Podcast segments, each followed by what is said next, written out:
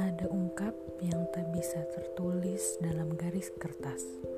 Ada pikir yang tak bisa tertuang lewat ketikan abjad huruf-huruf. Dengan ini dapat menjadi ruangnya untuk hidup. Saya Dinda Ekas.